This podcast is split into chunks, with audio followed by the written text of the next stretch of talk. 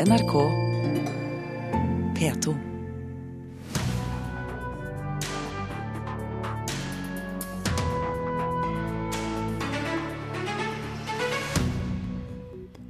Stadig flere journalister utsettes for trusler og sjikane her til lands. 2014 har vært et rekordår i negativ forstand.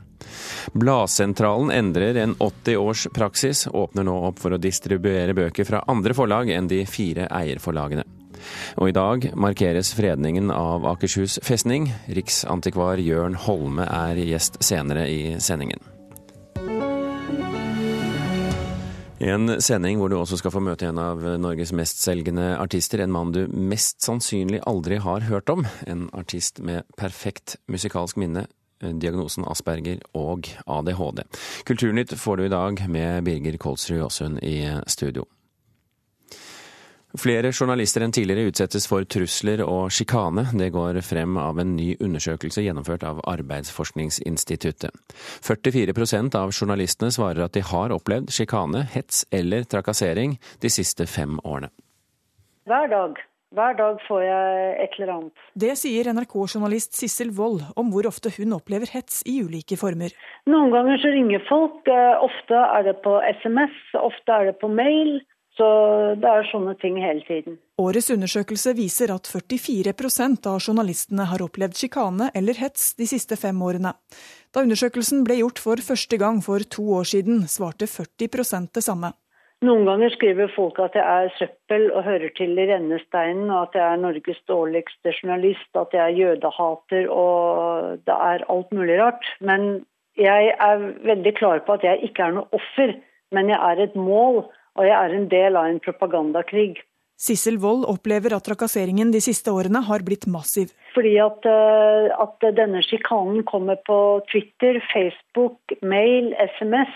Og vi journalister trenger konstruktiv kritikk, men dette er ikke konstruktiv kritikk. Dette er bare ren utskjelling og sjikane som ikke leder til noe godt. I den ferske undersøkelsen går det fram at 25% av journalistene har opplevd trusler de siste fem årene. For to år siden var andelen 20% Og Sissel Wold har noen klare oppfordringer til sine kolleger. Det er å blokkere folk, og ikke gå inn i diskusjoner som ikke leder noen steds hen. Og så er det å ikke oppsøke plageånder. Og så er det å ringe folk, rett og slett. Hvis det er noen som plager deg hele tiden, og bare ringe dem og spør hva er det, hva er det egentlig du vil meg.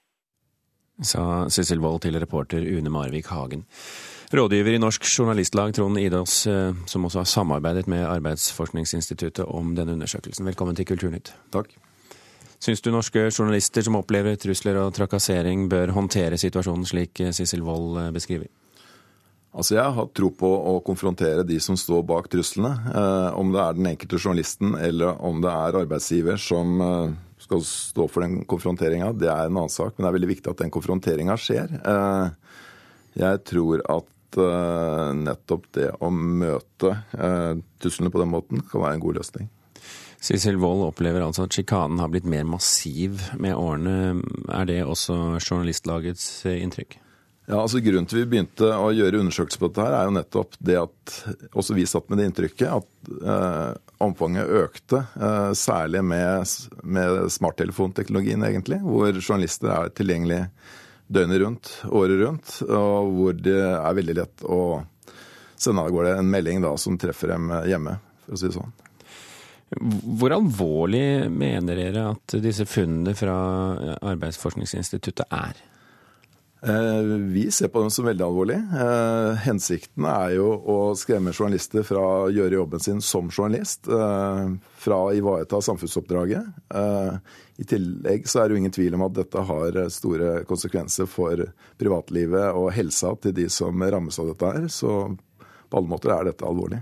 Men det faktum at sjikane og trakasseringen øker, hva forteller det deg? Eh, at vi må helt åpenbart jobbe mer med dette. Eh, nå har vi gjort to undersøkelser, og det er klart at du kan se det er en liten økning, eller det er en økning eh, i løpet av de to åra.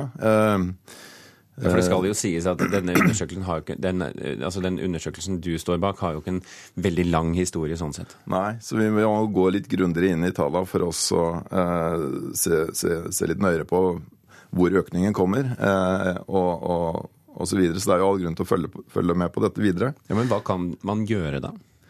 Nei, det er altså, Bortsett fra den enkelte journalist? Ja.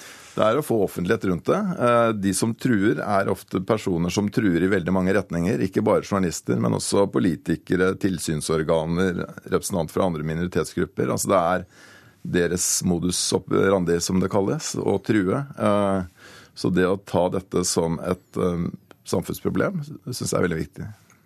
Hva, hva frykter dere Eh, kan bli konsekvensene hvis vi nå forholder oss til trusler mot journalister? For som du mm. påpeker, det er jo også mot, eh, mot, mange andre dette skjer. Men hvis vi nå holder oss til journalisten i denne omgang, eh, hva kan konsekvensene bli?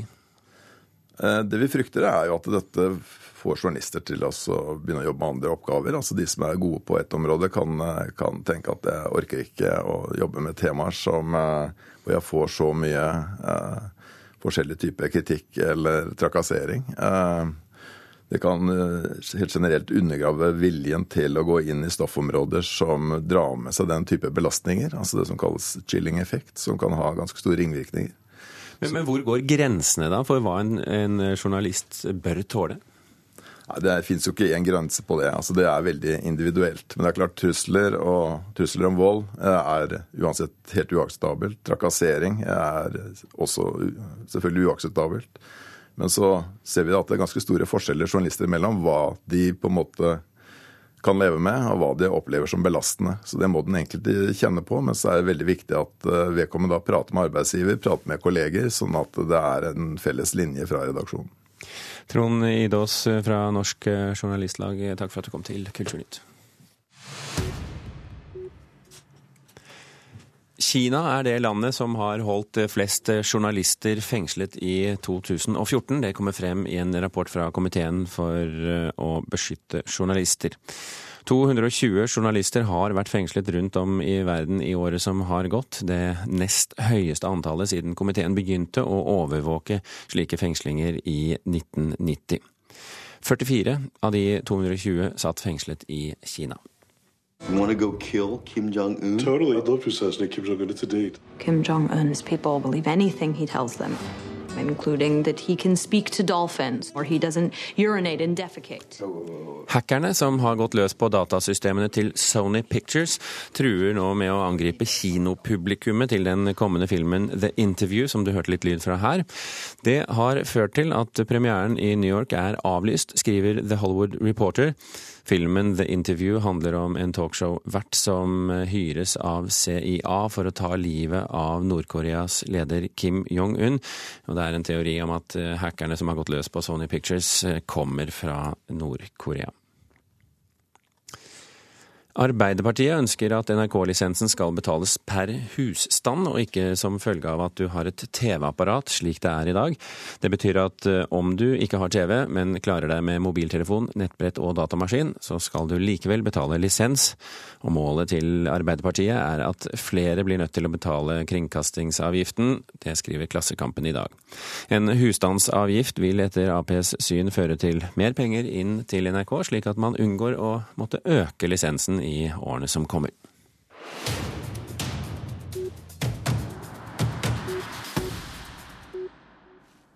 Britiske Hilary Mantel er i den uhyre eksklusive klubben av forfattere som har vunnet den prestisjetunge Booker-prisen to ganger.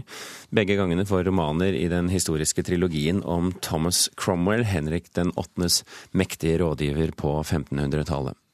Siste bind i trilogien skal etter planen komme neste år, men i år har forfatteren tillatt seg et lite sidesprang, skal vi kalle det det, nemlig novellesamlingen Mordet på Margaret Thatcher og andre historier. Marta Norheim, litteraturanmelder eh, her i NRK, velkommen til Kulturnytt. Skal vi si det sånn at hun har frigjort seg fra historien her, all den tid Thatcher slettes ikke ble drept? ja da, hun, eh, hun, spinner jo rundt i en virkelighet, men eh, lager noen alternative forløp. Og ikke minst i, eh, i denne tittelnovella så, så gjør hun jo det. Kontrafaktisk historieskriving? Ja, du kan si det. Det har jo blitt en del oppstuss i Storbritannia med denne boken. Hvorfor det? Jeg tror at eh, altså det, det, er stort sett i det konservative partiet, altså Margaret Thatchers parti, de syns det er smakløst. og Det var en del rundt det når boka kom, og nå kom det opp igjen faktisk nå på mandag, fordi at eh, BBC4 Radio har bestemt at denne boka skal gå i, eh, i en sånn opplesningsserie som heter Book at Bedtime eh, i januar. Eh, og da eh, uttalte en kar i, i Tory-partiet, en tidligere minister, It's a sick book from a sick mind. and it's being promoted by a sick broadcasting corporation. Såpass, ja. Men jeg tror ikke han har lest boka, skjønner du. Jeg tror ikke han kan ha lest boka. Det er litt sånn som sataniske vers. altså Alle er imot pga. en tittel, men så leser ikke de boka. Men hva er boken om, da? Ja, altså Dette er jo noveller, så da er han jo om mange ting. Men altså, hvis vi tar akkurat den uh, tittelnovella, så handler det rett og slett om ei dame som venter på rørleggeren. Og så kommer det en kar på døra med ganske stor veske, og hun slipper han inn uten videre, for hun tenker det er nok rørleggeren. Og så går han bare rett inn på soverommet hennes og gir seg til å sikte ut vinduet, fordi at han vet at Margaret Thatcher skal komme ut av en sånn øyeklinikk bak døra, og da har han veldig eh, godt sikte ifra hennes eh, vindauger. Og Det er jo en interessant historie i seg sjøl. Men, men, det virkelig interessante her, og som jeg tror kanskje er litt av tråden i denne samlinga, er at eh, altså, hun blir jo fryktelig i tvil om hva hun skal gjøre. Ikke sant? Eh, hun har sluppet inn denne mannen, hun er delvis skyldig sjøl. Så hun får jo nesten en sånt uh, akutt uh, Stockholm-syndrom, at hun liksom egentlig føler veldig med han fordi at hun også er imot Thatcher, og så får hun skyld for det, osv. Og, så og da er vi inne på dette som går igjen, at det er litt sånn situasjoner der du ikke akkurat vet hva gjør jeg nå? Altså, eh, Dette er en sånn, det du kan kalle en mellommenneskelig relasjon som, som, du ikke har liksom erfaringer med fra før. og liksom, OK, når du har en mann med gunner på soverommet, da gjør vi sånn. Altså, Det fins ikke en sånn type kunnskap. Nei, ikke noe fasit. Hva, hva, hva slags um, styrke vil du si eh, Mantel har som forfatter? Hun har flere. Det jeg vil eh, dra fram eh, når det gjelder den novellesamlingen, er at hun har en fantastisk evne til å skape en stemning. Altså, det, det er få ting altså Det dør jo noen i løpet av denne boka, bl.a. Margaret Thatcher og, og, noen til, men, men, det er lite egentlig drastiske ting som skjer. Likevel så klarer hun å lage en sånn uggen stemning. For eksempel så er vi på en sånn eh, legekontor der de tar blodprøver, og du er hele veien gjennom usikker på er det noen vampyrer der, eller er de bare litt sånn eh, opptatt av eh, blod og bruker litt sånn eh, blodmetaforikk? Altså, du veit ikke det. Altså, sånn, er dette et helt normalt kontor der det er bare litt dårlig stemning i personalet, eller er det noe veldig, veldig, veldig rart? Svaret får man. Nei. Nei, man gjør ikke det. Nei, nei, nei, blir... ikke det. Nei? nei, Der må du sitte bare og lure sjøl. Hva, var dette hva egentlig? Den der litt ugne stemninga er jo helt ufattelig god på. Men med andre ord, eh, skal vi gi en eh, grønt flagg for å, å lage novellesamlinger midt i trilogien av Thomas Cromwell? Ja, nå har hun jo allerede gjort det, så trenger ikke noe tilgjengelig for det, men, men uh, hun um... Men var det en god idé? Eh, ja, det var, god, det var, en god, idé, men jeg syns jo at det som er hennes virkelig store ting, er jo denne her eh, trilogien fra Tudor-tida i England. Men eh, a good read. Ja, og vil du settes i stuss, så kan du altså lese denne boken, 'Mordet på Margaret Thatcher' og andre historier. Takk for at du kom til oss, Marta Noré. Vi har kommet til eh, omtrent sånn 16,5 minutt over eh, åtte. Du hører på Kulturnytt, og dette er toppsakene i Dagsnytt nå. I Pakistan gråter folk over alle de drepte i skolemassakren. Det er landesorg i tre dager. Mer enn 140 mennesker ble drept i terrorangrepet. De fleste av dem var barn. Norge fortsetter å fengsle flyktninger for å ha brukt falsk ID, selv om det ifølge Høyesterett er ulovlig. Og IT-satsingen i Nav kan bli mye dyrere enn planlagt. I tillegg til at flere hundre millioner allerede er gått tapt, kan kostnadene for et nytt datasystem bli 1,2 milliarder kroner høyere enn tenkt. Bladsentralen har bestemt seg for å begynne å distribuere bøker fra andre forlag enn bare sine fire egne. Dermed kan en distribusjonskrise med påfølgende inntektstap være avverget for en rekke små bokforlag. Pål Bergdal, som er administrerende direktør i Bladsentralen, sier selskapet er kommet til et veiskille. Dette har vært en stor og viktig beslutning i Bladsentralens sammenheng. Vi har jo stort sett eh, kun distribuert for våre eiere over 80 år. Men på tross av dette var alle eierne enige at det nå er viktig å endre praksis. Sier Pål Bergdal, som er administrerende direktør i Bladsentralen, Norges desidert største distributør av bøker til kiosker, bensinstasjoner og butikker. Blant eierne finner vi forlagsgigantene Cappelen Dam, Aschhaug, Gyldendal og Skipsted. Og da Konkurransetilsynet gjennomførte en politirazzia mot dem i april, sto nettopp Bladsentralen i sentrum. Konkurransetilsynet har vært på en bevissikring eller en såkalt uanmeldt kontroll. De mistenker at det kan ha gått føre seg samarbeid utover det lovlige. Felles for forlagene som blir kontrollerte, er at de står som eiere av Bladsentralen. Det er også andre måter å distribuere bøker enn gjennom Bladsentralen. Sa Tom Harald Jensen, forlagssjef i Cappelen Dam i forbindelse med razziaen.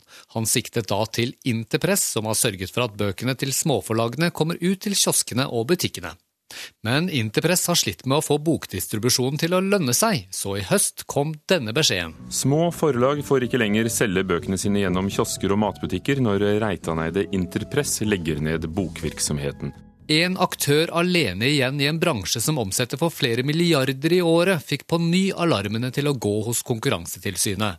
De siste månedene har tilsynet derfor gått offentlig ut og bedt Bladsentralen åpne opp for nye forlag. Når situasjonen er som den er, men der det bare er en aktør igjen i, i dette markedet, her, så er det spesielt viktig at den aktøren legger til rette for at alle forlag som ønsker det, skal ha mulighet til å nå ut til forbrukerne. Sier Gjermund Nese, som er avdelingsdirektør i Konkurransetilsynet. Han forteller at etterforskningen av storforlagene langt fra er avsluttet, og at Konkurransetilsynet vil passe på at Bladsentralen tilbyr småforlagene avtaler de virkelig kan leve med. I første omgang så noterer vi oss dette som eh, et positivt eh, tiltak, der det eh, gis uttrykk for at det skal åpnes opp for distribusjon. Så vil vi nå i første omgang avvente og se hvorvidt dette har en innebærer en reell åpning, og som faktisk bidrar til at eh, det blir god konkurranse i dette eh, markedet for bøker.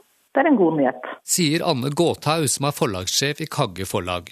Hun er glad for at Bladsentralen endelig har åpnet opp, men understreker samtidig at det er uheldig at det ikke lenger fins alternativer. Fordi at Det er jo ikke noe reell konkurranse hvis det bare er én eh, leverandør til alle de utfallsstedene som vi her snakker om. Hva er alternativene til å la Bladsentralen distribuere bøkene deres? Eh, vi har jo samtaler med flere aktører, så det er jo et håp om at de fortsatt skal eh, kunne klare å levere konkurransedyktige betingelser på dette markedet, sånn at det blir flere enn eh, én aktør som skal ha hele pakka. Ja, Det sa Anne Gåthaug i Kagge Forlag til reporter Petter Sommer. I dag blir det fest, fyrverkeri og kanonskudd på Akershus festning, for i dag markeres nemlig slutten på grunnlovsjubileet med fredningen av Akershus festning i Oslo. Festningen, som opprinnelig var en kongeborg i middelalderen, har vært viktig for Norge i 700 år, og har i dag status som såkalt nasjonalsymbol. Riksantikvar Jørn Holme, velkommen til Kulturnytt. Tusen takk. I dag skal du altså overrekke fredningsdokumentene til Forsvarsbygg. Eh, men si meg en ting, har ikke Akershus festning vært fredet før? Eh, den eldste delen fra, fra middelalderen er jo fredet eh, i, gjennom lov, gjennom sin alder. Men så har vi faktisk planlagt å gjøre dette i flere år, og også gjøre dette i, i grunnlovsjubileåret. Så den er fredet, men den skal fredes litt ekstra ja, det, den lille kjernen er fredet, eh, men, men bygninger fra 1600-, 1700-, 1800- og til 1900-tallet er ikke fredet. Så dette blir et større område som omfatter faktisk eh, veldig mange av de militære bygningene eh, på Akershus. Og, og det markerer jo på sett og vis avslutningen av grunnlovsjubileet. Eh, men eh, bygningen har jo vært behandlet i stor grad som fredet, og vi har hatt et veldig godt samarbeid med Forsvarsbygg på alle de bygningene vi nå freder. Men, så det blir mer en sånn eh, markering i forbindelse med dette året. Men, men, men blir folk litt overrasket over å få vite at liksom, alt som er innenfor murene på Akershus festning ikke har vært fredet så langt? Det er det, det var det også når vi fredet Eidsvollbygningen 1.9. Alle trodde selvfølgelig at den også var fredet, men man, igjen, man har behandlet disse bygningene som om de var fredet. Mm. Eh, og dette avslutter også det såkalte landsverneplanarbeidet. Altså alle statlige sektorer har gått gjennom sine viktigste historiske eiendommer. og valgt de ut, slik at vi avslutter også dette prosjektet som har vart over, over i ti år. Men, men, konkret, hva er det som fredes? Er det det som er innenfor murene av Akershus festning? Ja, både indre, altså selve slottet, men også ytre anlegg. Altså med voller og, bygninger fra 1700- og 1800- til 1900-tallet. Der Forsvarsdepartementet holder til i Myntgata. Den bygningen blir også med i, i fredningen. Så, er det rubbel og bit, rett og slett? Ja, ikke, ikke rubbel og bit. Statsministerens kontor i det nybygget det vil ikke være omfattet av, av, av, av fredningen, men de historiske bygningene vil være det. Akershus festning er jo som nevnt en ekstremt sterk posisjon i, i norsk historie og norsk mentalitet i og for seg. Er det strengt tatt nødvendig å frede det? Ved en fredning så får vi et redskap til å ha de beste prosesser mellom oss og Forsvarsbygg, som forvalter festningene. Utgangspunktet for fredningen er en enighetsprosess. Og vi har hatt et utrolig godt samarbeid med både kommandantskap og Forsvarsbygg og Forsvarsdepartementet.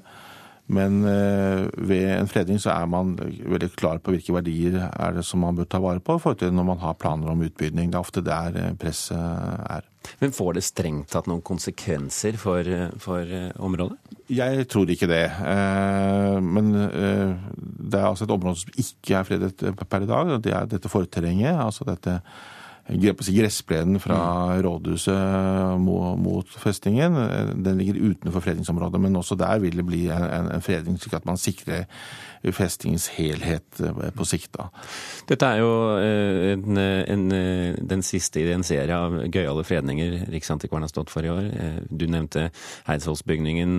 Oscarsborg har vært fredet. Det har blitt mye kanapeer på dere i løpet av dette året? Da blir det litt, litt mye mat, ja. Så jeg har gått opp noen kilo i dette jubileet. Så nå, neste år så er det friluftslivets år, og da må jeg begynne å gå på tur. Så da går vel kiloene av, får jeg, får jeg håpe. Nei, det har vært, vært morsomt. Det har vært arrangementer med titusener av mennesker, faktisk, over hele landet.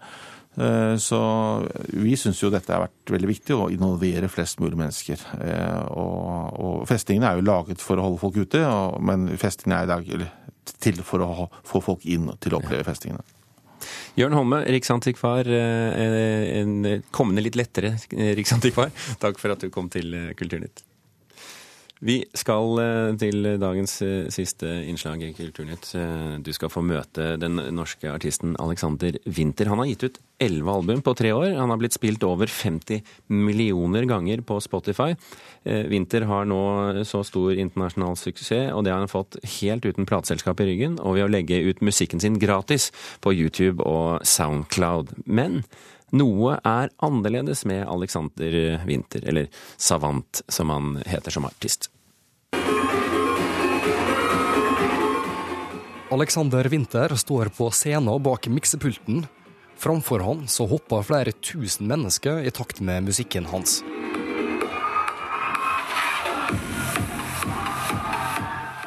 De tre siste åra har han reist verden rundt som DJ. I helga så slapp han et album som heter Zion, og som er det nest mest solgte dancealbumet på iTunes i verden. Og folk kjøper musikken hans, tross i at han legger den ut gratis på YouTube og Soundcloud. Jeg driter i om hvem som laster henne. Jeg er bare opptatt av at folk har et sånt forhold til meg som person, og at jeg, hvis de støtter meg, så vet jeg at jeg kommer til å fortsette å gjøre det der. Altså Folk er bevisst på at wow, hvis jeg støtter han, så kommer han til å fortsette å gjøre det der. Hvis jeg ikke gjør det, så må han jobbe på McDonald's. Så jeg har bare valgt å legge det rett ut for dem i stedet, sånn at du viser folk at hei, du, jeg er ikke her for å stjele pengene deres, jeg er bare her for å lage kul musikk. Jeg. Og jeg vil at flest mulig mennesker skal høre det også. Og nå er det mange som hører på Savant. Hver eneste dag så blir sangene hans spilla en halv million ganger på Spotify. Winther sier at det er ingenting et plateselskap kan gjøre for han som han og manageren ikke greier sjøl. Han har nå flytta til Los Angeles, der han lager musikk alene i studio på datamaskin. Jeg har litt sånn ruletthjul i hodet. Når jeg lager musikk. Det er veldig sånn gotisk av meg. da, så det er veldig mye sånn der orgel og Veldig glad i Bach, da. Jeg er veldig glad i sånne varme temaer som jeg hørte i barndommen på barne-TV og tegnefilmer og sånn. Prøver liksom å gjenskape de der varme følelsene. Melodisk, veldig melodiøst og harmonier og, og sånne type ting. Den her er også veldig sånn Det er noe unikt med Alexander Winther. Den suksessen som han har nå, det kommer av et helt spesielt talent som få andre artister har. Han husker alle sangene og lydene han hører. Så jeg, alt jeg hører, lagres veldig kjapt. Og så er det også følelser og alt dette blander seg opp i en sånn skål oppi hodet. En veldig stor skål, da. En stor skål som heter alt, alt Alex noensinne har hørt. For han har et sjukt godt minne. Det er jo bare sånn, Autisme er jo veldig rart, for det, kobler minnet sammen med andre ting. da, Sånn, sånn, sånn farge og lukt og sånt. så, så, jeg har litt sånn vrangminne. da, sånn etter sånn Bilder lagres som lyd, og lyd lagres som bilder. Så det er veldig som en atmosfære inni hodet mitt. da. Sånn, jeg kan bare, Hvis jeg ser for meg en atmosfære, så blir det en sang veldig lett. da. Det er det som er litt rart med meg. Så det blir sånn blande, Ledninger blir blanda. For uh, uansett hva som gjør er gærent med meg, så er fôrer jo det bare musikken. Det har alltid vært sånn. Alexander Winther har både Aspergers syndrom og ADHD. ADHD, sa du? Det forklarer kanskje at han har gitt ut elleve album på tre år. Musikkjournalist i P3, Ruben Gran, møtte Winther før han slo gjennom. Hvordan vil du beskrive de musikalske evnene hans? Litt som sånn jeg oppfatter han som person, som gnistrende. Fordi han har definitivt mye musikk i seg. Uh, han slår meg nærmest som overmusikalsk. Ikke minst i, i kvantiteten, uh, på, på, den enorme mengden med musikk han lager.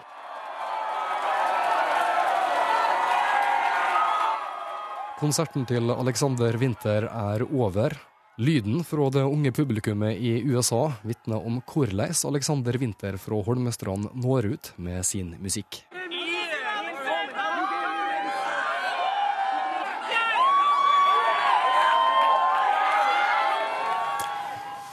Det var et fornøyd publikum eh, du hørte her. Reporter i denne saken, det var Øystein Vinstad. Kulturnytt er eh, slutt for denne gang. I dag har vi fortalt at eh, stadig flere journalister utsettes for trusler og sjikane, og at 2014 har vært et rekordår i negativ forstand. Du kunne også høre at Bladsentralen endrer en 80-årspraksis. Nå åpner de opp for å distribuere bøker fra andre forlag enn de fire eierforlagene. Kulturnytt fikk du av Marianne Myrhol, Espen Alnes og Birger Kolsrud Aasund. Hør flere podkaster på nrk.no podkast.